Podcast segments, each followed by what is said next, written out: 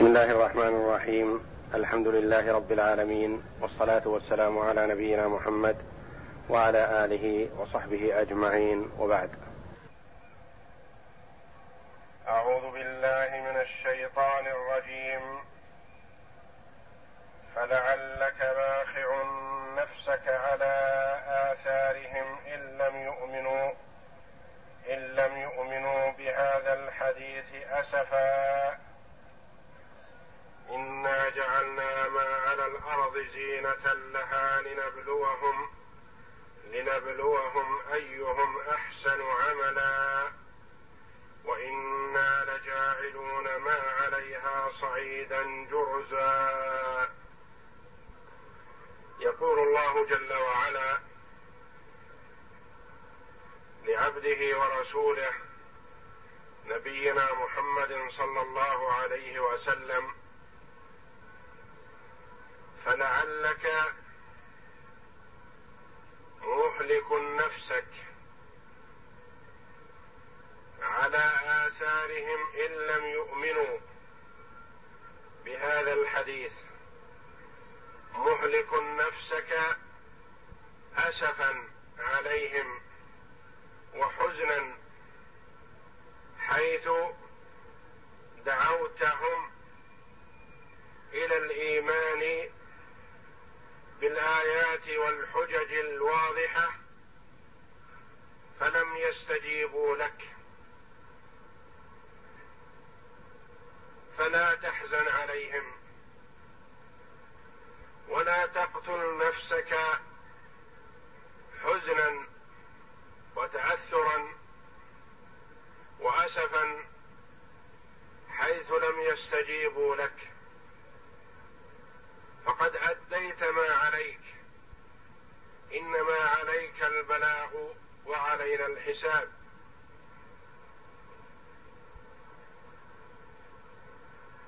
أنت مبشر لمن أطاعك ومنذر لمن خالفك. وقد أديت ما عليك. وما بقي فهو على الله جل وعلا. الله جل وعلا أعلم بمن يصلح للهداية والاستقامة والجنة فيوفقه للصراط المستقيم. ومن لا يصلح للهداية ولا يصلح للاستقامة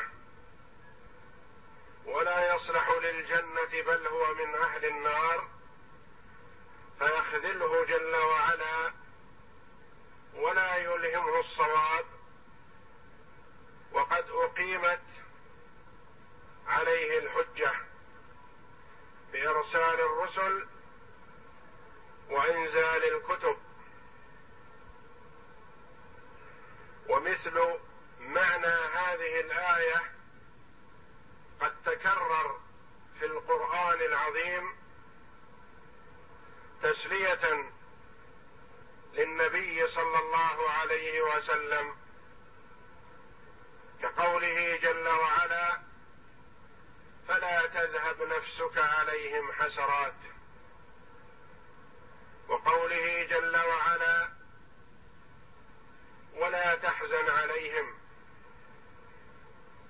وقوله جل وعلا لعلك باخع نفسك ألا يكونوا مؤمنين.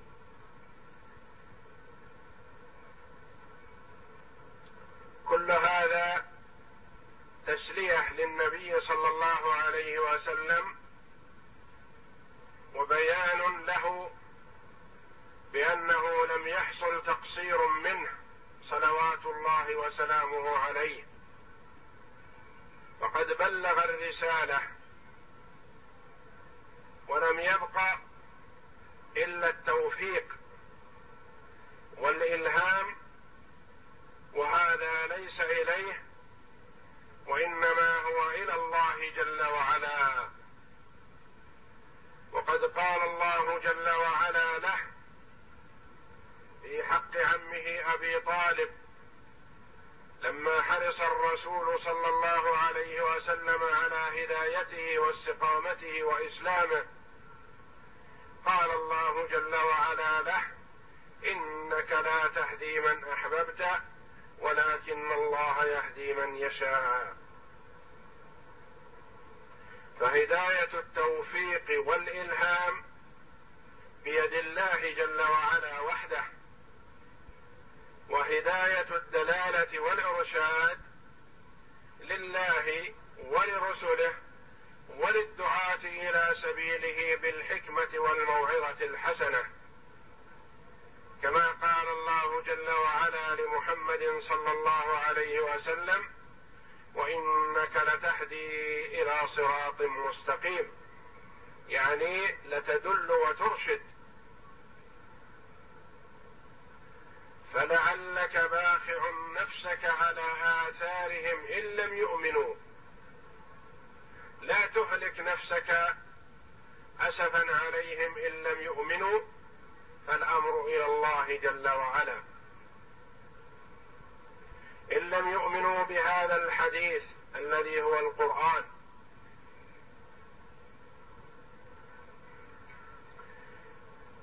إنا جعلنا ما على الأرض زينة لها لنبلوهم أيهم أحسن عملا. يخبر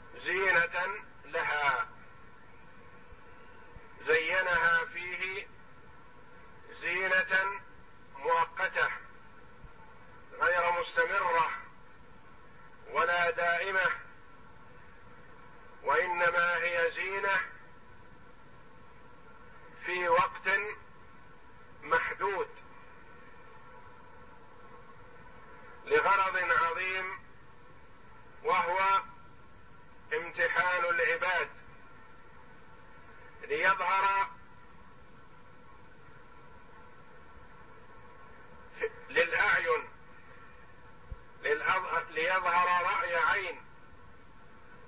من يركن إلى هذه الدنيا وزينتها ويطمئن إليها ويعمل من أجلها ويوالي من أجلها ويعادي من أهل أجلها ويصرف جل وقته لأجلها. ممن يعمل لآخرته ويأخذ من دنياه ما يستعين به على آخرته. ويستعمل دنياه في مرضاة ربه ليعلم جل وعلا ذلك ويعلمه العباد رأي عين. وإلا فالله جل وعلا عالم بما العباد عاملون قبل أن يخلقهم. ولكن ليظهر للأعين من يركن ويميل للدنيا ويجعلها غايته ومقصده وهدفه ممن هدفه وقصده الله والدار الآخرة. ويأخذ من دنياه ما يتبلغ به لآخرته. يستعين في دنياه لعمل الآخرة. يعمل في الدنيا ليسعد في الدار الآخرة. وذلك هو الرابح وهو السعيد وهو الذي استفاد من دنياه. فمن جعل دنياه مزرعة للآخرة استفاد من الدنيا وربح في الآخرة. ومن جعل دنياه الهدف والمقصود وهي المرادة خسر دنياه وآخرته. خسر دنياه وإن حصل فيها ما حصل من مال وجاه وأموال وغير ذلك خسرها لأنه ما استعملها فيما خلقت له. فهي لم تخلق ولم توجد لتكون هدفا ومقصودا وإنما لتكون وسيلة. فهي دار ممر وليست بدار قرار.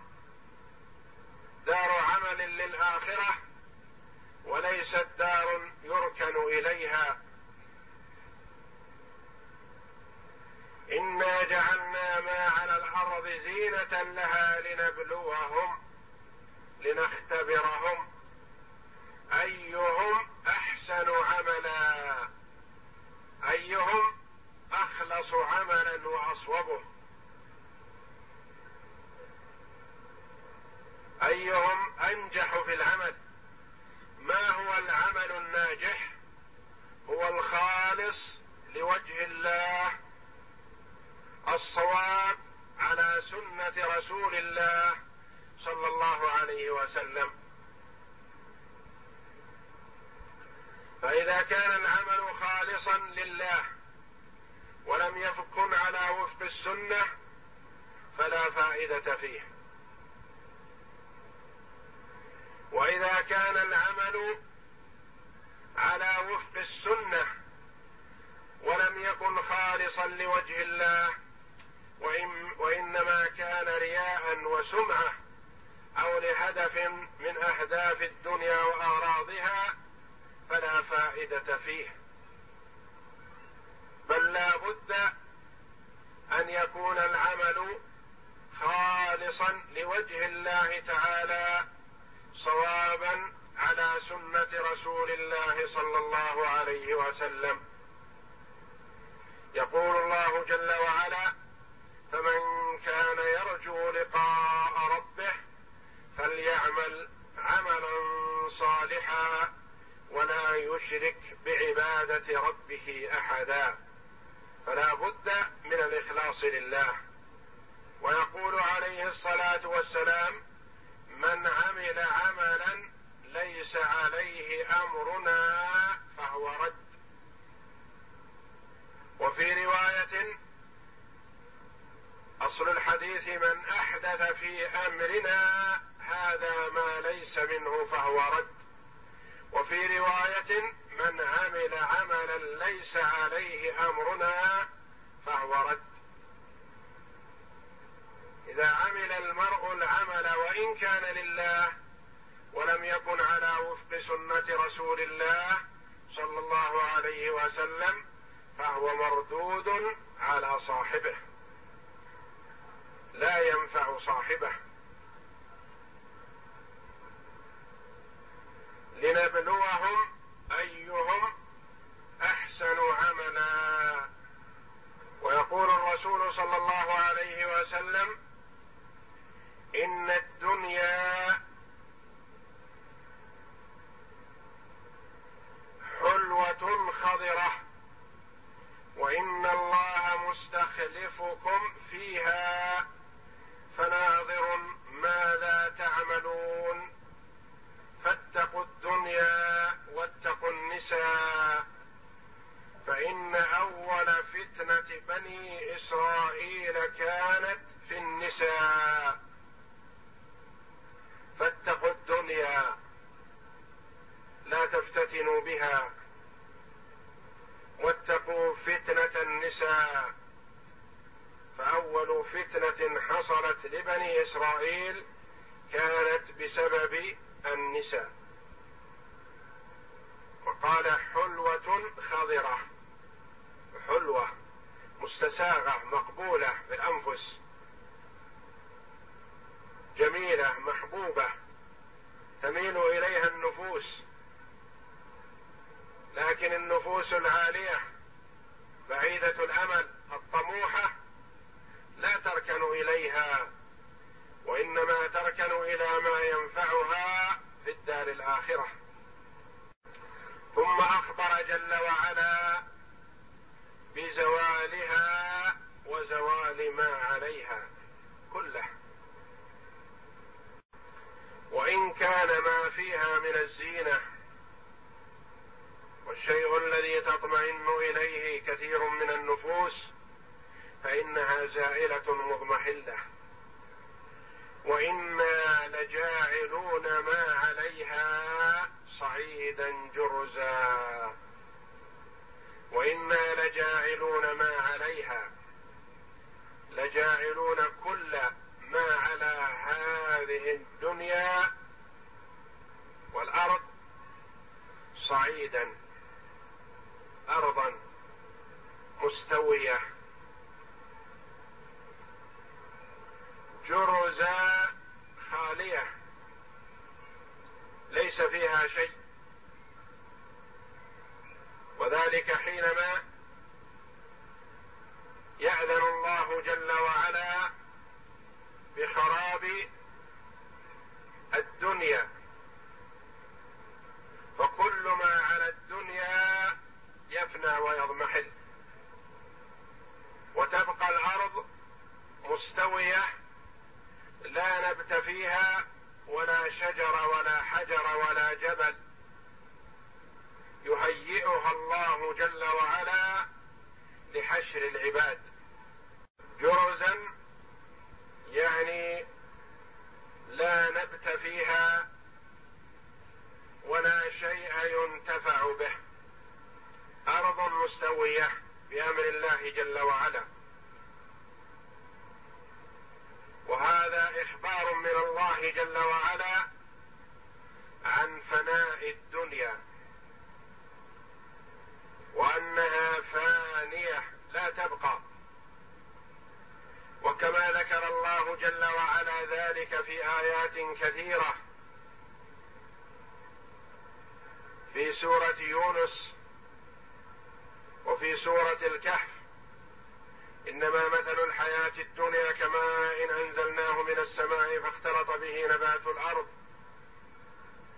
مما يأكل الناس والأنعام حتى إذا أخذت الأرض زخرفها وزينت وظن أهلها أنهم قادرون عليها.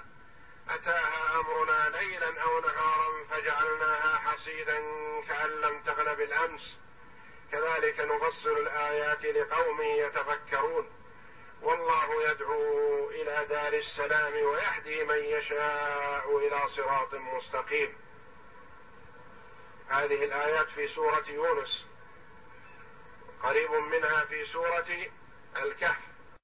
يقول الله جل وعلا أم حسبت أن أصحاب الكهف والرقيم كانوا من آياتنا عجبا؟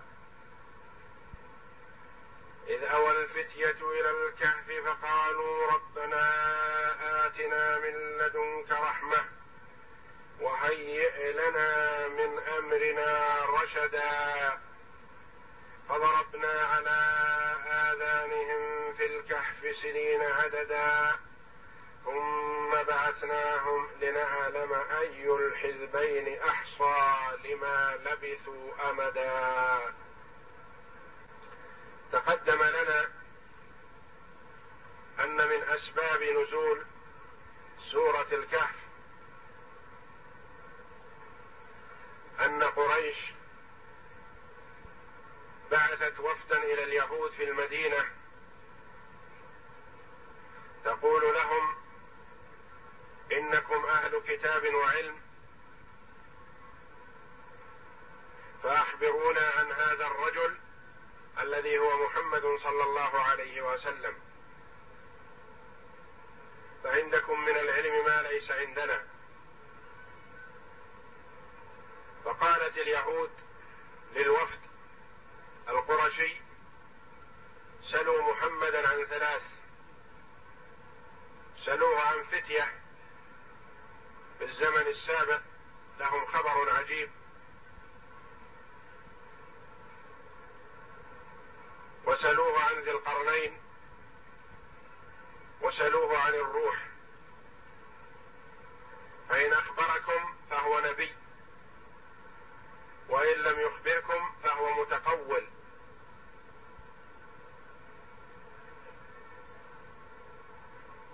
فسألوا النبي صلى الله عليه وسلم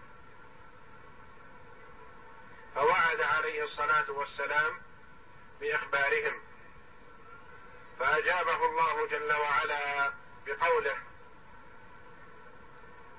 أنزل عليه هذه السورة العظيمة سورة الكهف وذكر فيها أصحاب الكهف وذكر فيها ذا القرنين وأجاب عن الروح جل وعلا بقوله ويسألونك عن الروح قل الروح من أمر ربي وما أوتيتم من العلم إلا قليلا. فأجابه الله جل وعلا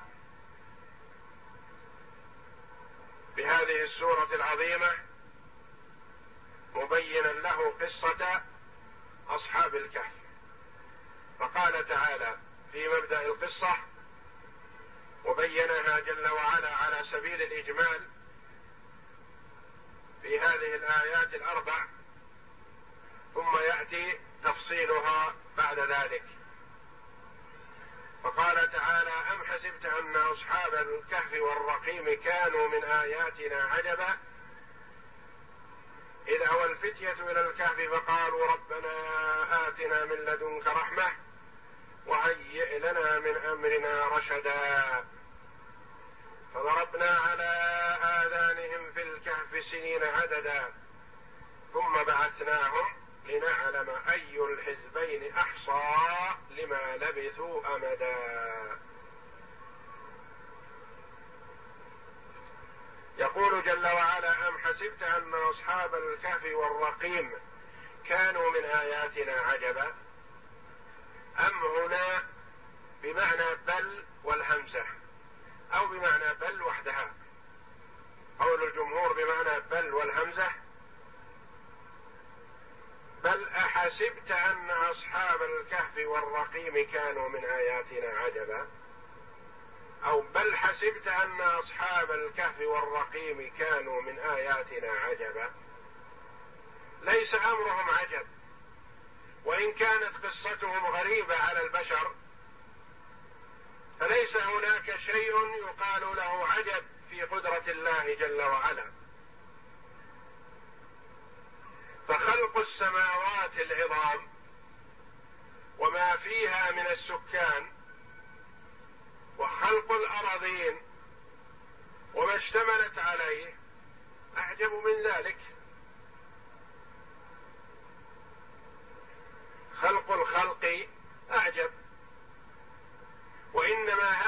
هذه قصة غريبة بالنسبة للبشر. وإلا في جانب قدرة الله جل وعلا وعظمته وأنه جل وعلا ما أراده كان وما لم يرده لم يكن إنما أمره إذا أراد شيئا أن يقول له كن فيكون فليس ذلك بعجيب ولا غريب.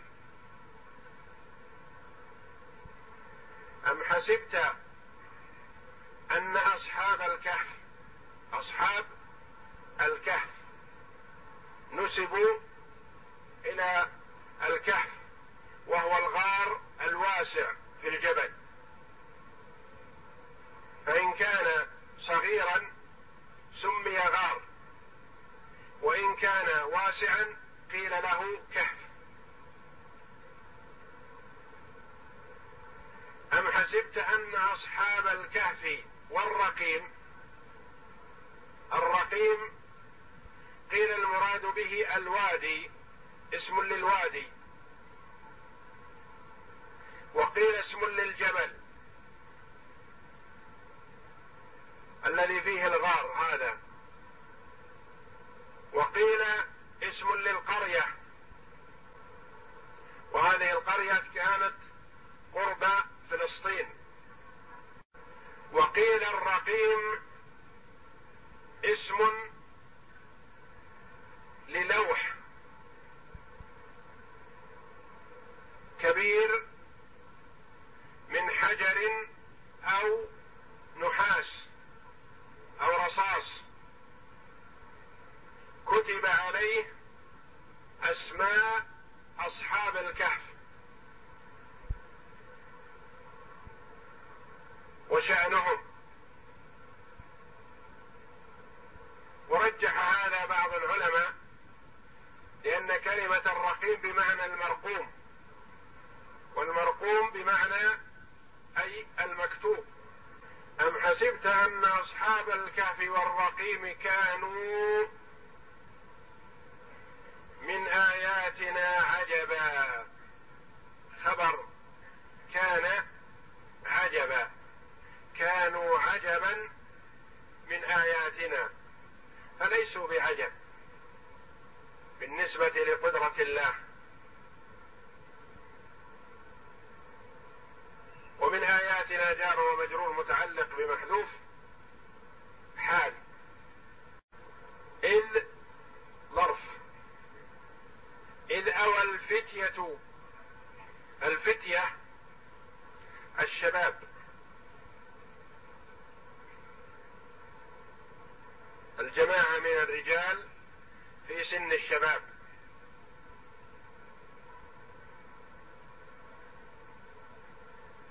وغالبا الفتية أسرع استجابة من الكبار.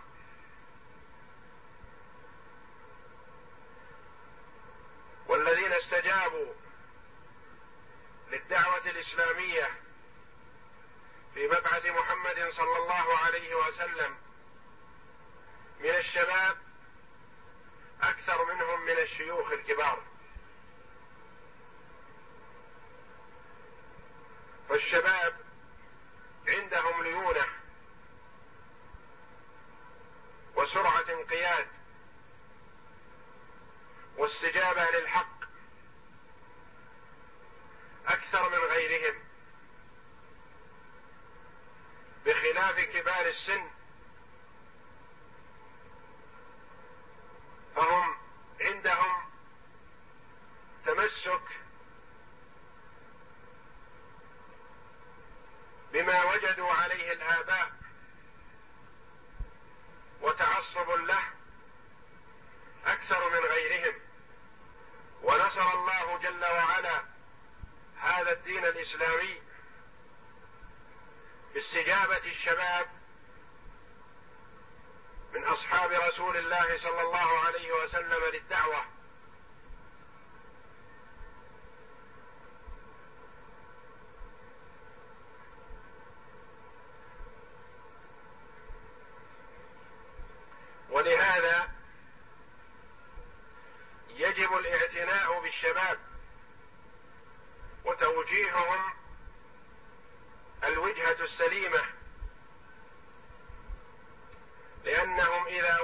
إلى الخير فتوجهوا إليه نفعوا بإذن الله. وضروهم فضروا المجتمع كله.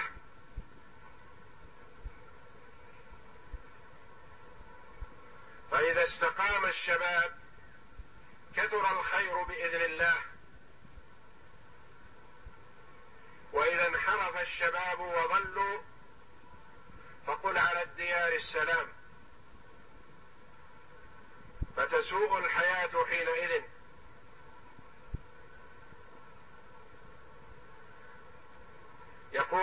جل وعلا إنهم فتية آمنوا بربهم وزدناهم هدى.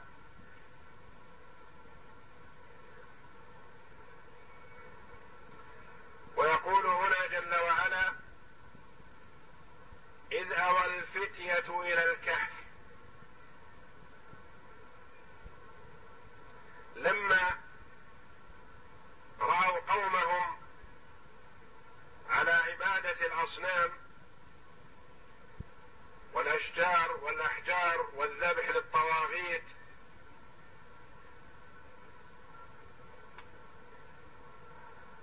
وغير ذلك من المعتقدات الفاسدة هدى الله هؤلاء الشباب لمقت ما عليه الاباء فلم يرضوا بما عليه اباؤهم فانحازوا عن ابائهم وتجمعوا واخبر بعضهم بعضا بما هداهم الله جل وعلا اليه فشجع بعضهم بعضا واعتزلوا قومهم واووا إلى الكهف اتفقوا على ان ياخذوا شيئا من النفقه إلى هذا الغار الواسع ليعبدوا الله جل وعلا فيه. إذ أوى الفتية إلى الكهف فقالوا ربنا سألوا الله جل وعلا. وفوضوا أمرهم إليه وتضرعوا إليه. ربنا آتنا من لدنك يعني من عندك رحمة. فسألوا أن تكون من عنده قبل أن يذكروا ما يريدون. وتقديم المفعول والظرف يفيد الحصر والاختصاص. نريد هذه الرحمة تكون من عندك وحدك.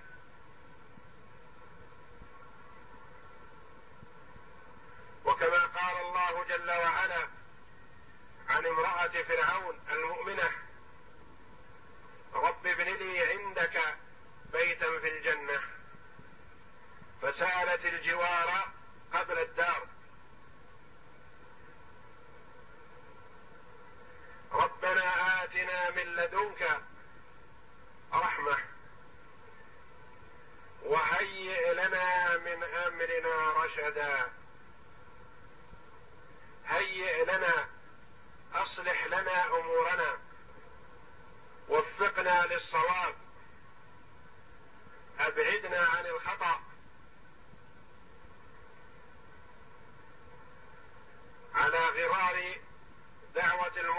صلى الله عليه وسلم اللهم أحسن عاقبتنا في الأمور كلها وأجرنا من خزي الدنيا وعذاب الآخرة. وهيئ لنا من أمرنا رشدا.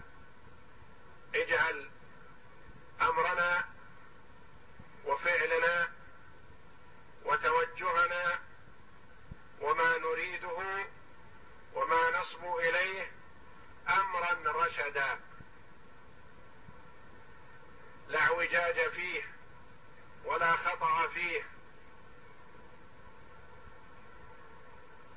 ولا غلو ولا تفريط لا زيادة ولا نقص. لأن الأمر الرشد هو الأمر الخيار الوسط.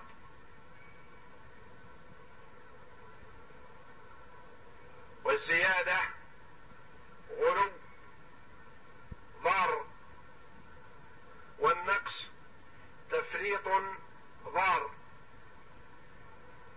والوسط محبوب. والنبي صلى الله عليه وسلم حذر أمته عن الغلو وقال إياكم والغلو فإنما أهلك من كان قبلكم الغلو.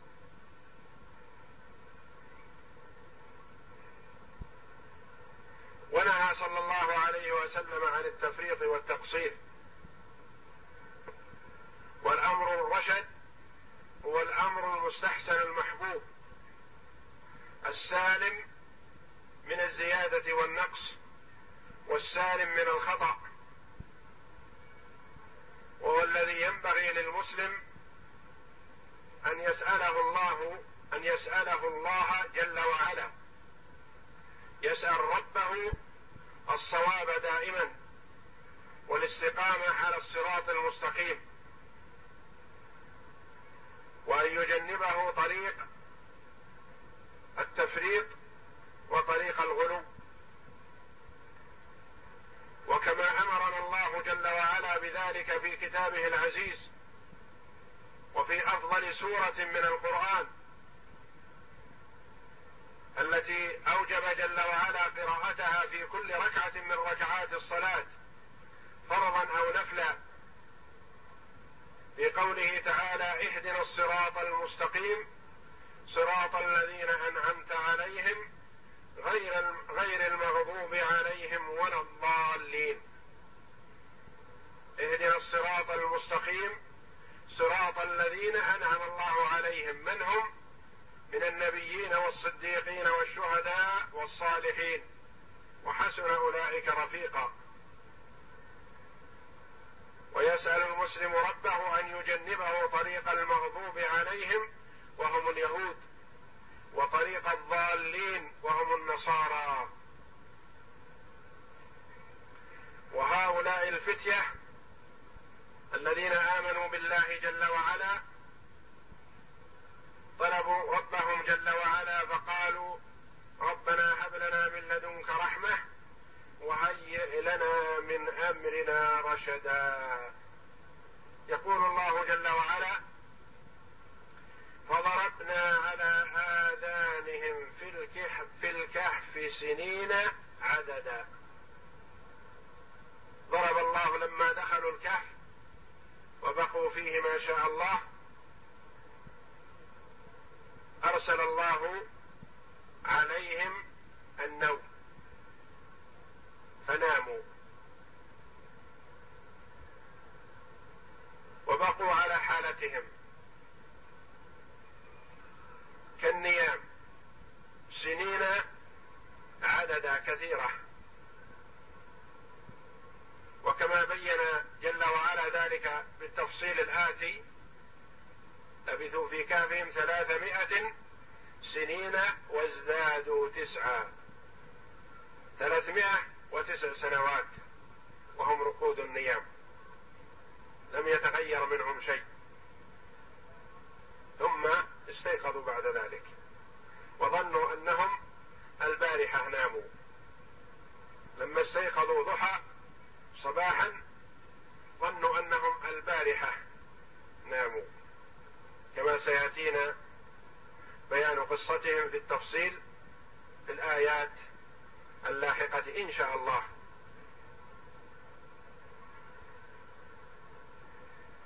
فضربنا على آذانهم في الكهف سنين عددا ثم بعثناهم.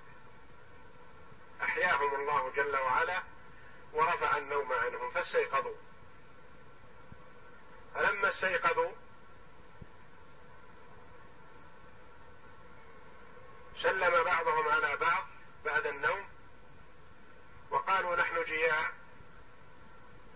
في حاجة إلى طعام وكانوا في كهفهم هذا مختفين من ملك ظالم يتوعدهم لإخلاصهم العبادة لله جل وعلا وتركهم عبادة الآلهة التي يعبدها الملك وجنوده فقالوا ليذهب شخص منكم ارسلوا واحدا منهم بشيء من نقودهم التي معهم ليشتري لهم طعام وليسأل ما شأن الطلب عنهم هل لا زالوا يطلبون؟ هل الملك يبحث عنهم الآن؟ والملك مات من مئات السنين.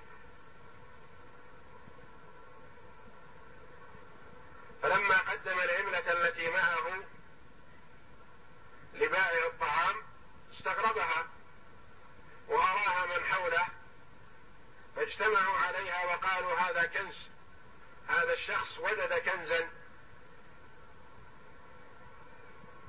واستغربوا ذلك لأن هذه العملة المضروبة قد فنيت وانتهت من مئات السنين. وهذا يظن أنه سيجد أباه وإخوانه وأهله. وقال أنا فلان ابن فلان. فلم يعرف. لا أبوه ولا أقرباؤه لأنهم قد فنوا من مئات السنين. يقول الله جل وعلا ثم بعثناهم. أحياهم الله جل وعلا من رقدتهم هذه التي دامت. ثلاثمائة وتسع سنين بعثهم الله جل وعلا لم يتغير منهم شيء وعلى حالتهم وكأنهم ناموا البارحة. لنعلم أي الحزبين أحصى لما لبثوا أمدا. الحزبين حزب مسلم وحزب كافر اختلفوا فيهم. أو اختلفوا هم فيما بينهم بأنفسهم. كم لبثوا في كهفهم؟ يظنون أنهم لم يلبثوا إلا ليلة. كما سيأتي بيان ذلك إن شاء الله. لنعلم أي الحزبين أحصى يعني أضبط وأعرف لما لبثوا أمد غاية. كم مدة لبثهم وإلى كم غايته. ويأتي ذلك مفصلا بإذن الله والله أعلم وصلى الله وسلم وبارك على عبده ورسوله نبينا محمد وعلى آله وصحبه أجمعين.